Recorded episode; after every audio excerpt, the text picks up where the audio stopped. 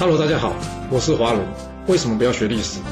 因为学历史会让你了解到顶层阶级的思考方式，成为他们的竞争者，所以他不希望你去学。还有学历史会让你看到许多前人成功及失败的案例，你的竞争对手想要好好的睡个觉，所以他也不希望你去学。最重要的是，学历史会让你了解人性，你的老板以及同事都希望你保持天真的心，所以他们更不希望你去学。就是因为这些原因，接下来我要跟你说的是故事，而不是历史。今天主题是时常保持感恩的心，对你有好无坏。要是你帮了一个人，这个人却连声谢谢也不跟你说，你会有什么样的感觉啊？会不会有再也不想帮他的想法？人同此心，心同此理啊！若是有人给你机会或是帮你的忙，结果你却连声谢谢都忘了说。那你想，对方还会再给你多少机会或是帮助呢？以上说的都是很明显的帮忙，不过有的时候啊，有人对你的帮助啊是你看不到的，或是不是显而易见的，那该怎么办呢？就拿春秋时期狼神的故事来告诉你吧。这狼神呢，原本只是一位小将军，奉了上级长官的命令呢，负责保护着晋襄公。这秦晋两军啊，在尧山发生大战，结果。秦军几乎惨遭全军覆没，战胜的晋军当然开心呐。这时，有人将被抓到了秦军先锋包满子押进了这晋襄公的大营啊。晋襄公在听完大家的说明之后，知道这包满子勇猛过人啊。他想，嗯，这样的人若是留在秦国阵营，对晋国不利啊。于是，他命令之前与这包满子交手，然后战败的晋国将军来居，去把这包满子头给砍下来。顺便报了这之前来居被包满子打败的仇。这晋襄公原先是一片好意啊，想给来居一个重新拾起信心的机会，但没想到来居刀子拿在手上啊，却被包满子大喝一声，吓得他刀都没拿好掉到地上了。接着包满子挣脱身上的枷锁，他一看好机会啊，这来居的刀掉在地上，他冲上前捡起了这把刀，想要冲上去啊解决掉这晋襄公。但就在这个时候，突然之间，包满子觉得，哎，背后一热，脖子一凉，哎呀，他的人头已经落地啊！原来是这晋襄公的守卫狼神啊！他不慌不忙的呢，上前补了包满子一刀，送他回老家。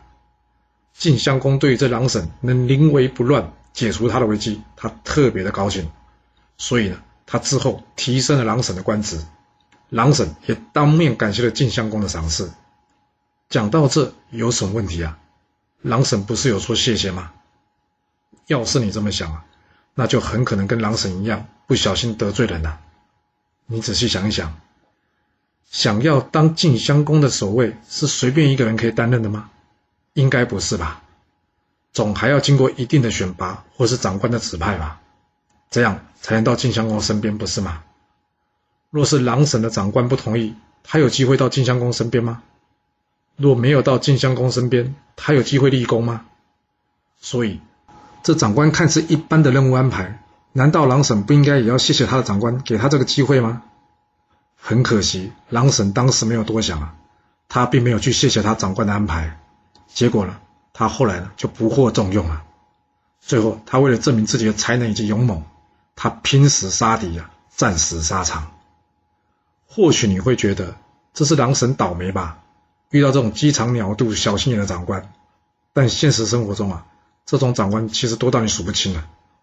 对于那些自视甚高、不愿意向长官多说声谢谢的人啊，长官常常把他们啊视为眼中钉啊，当然不会多给他们表现的机会啊，甚至呢还会倒过来打压他们。这群人呢，最后常常会觉得自己生不逢时，或是有志难伸呐。在这里，我不是要告诉大家要学会拍马屁去讨长官欢心呐，而只是要提醒大家。多留些心，对于那些对你有帮助的人，多说声谢谢，对你来说有好无坏啊。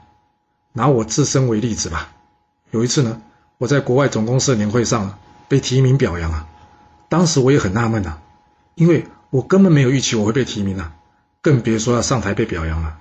下了台之后，当然会开心嘛。这时呢，一旁我的好朋友告诉我：“哎，你还不快去谢谢总经理啊？”这时候我才突然想到啊，对哦。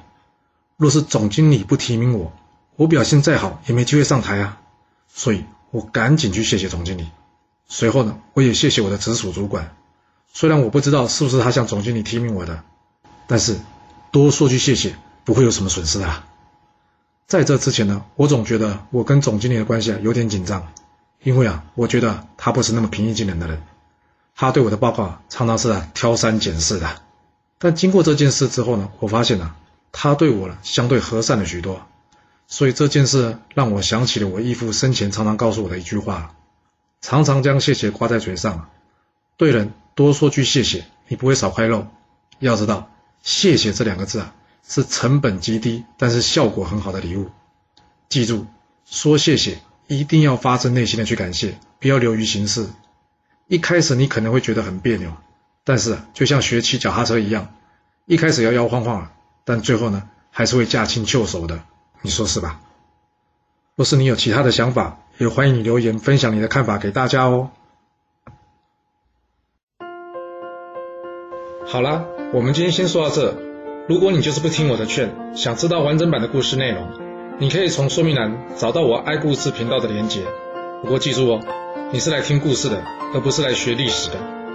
要是您喜欢这个频道，麻烦您动动您的手指，追踪、留言，或是给我五星评价的支持以及分享。谢谢您来收听，我们下次再见。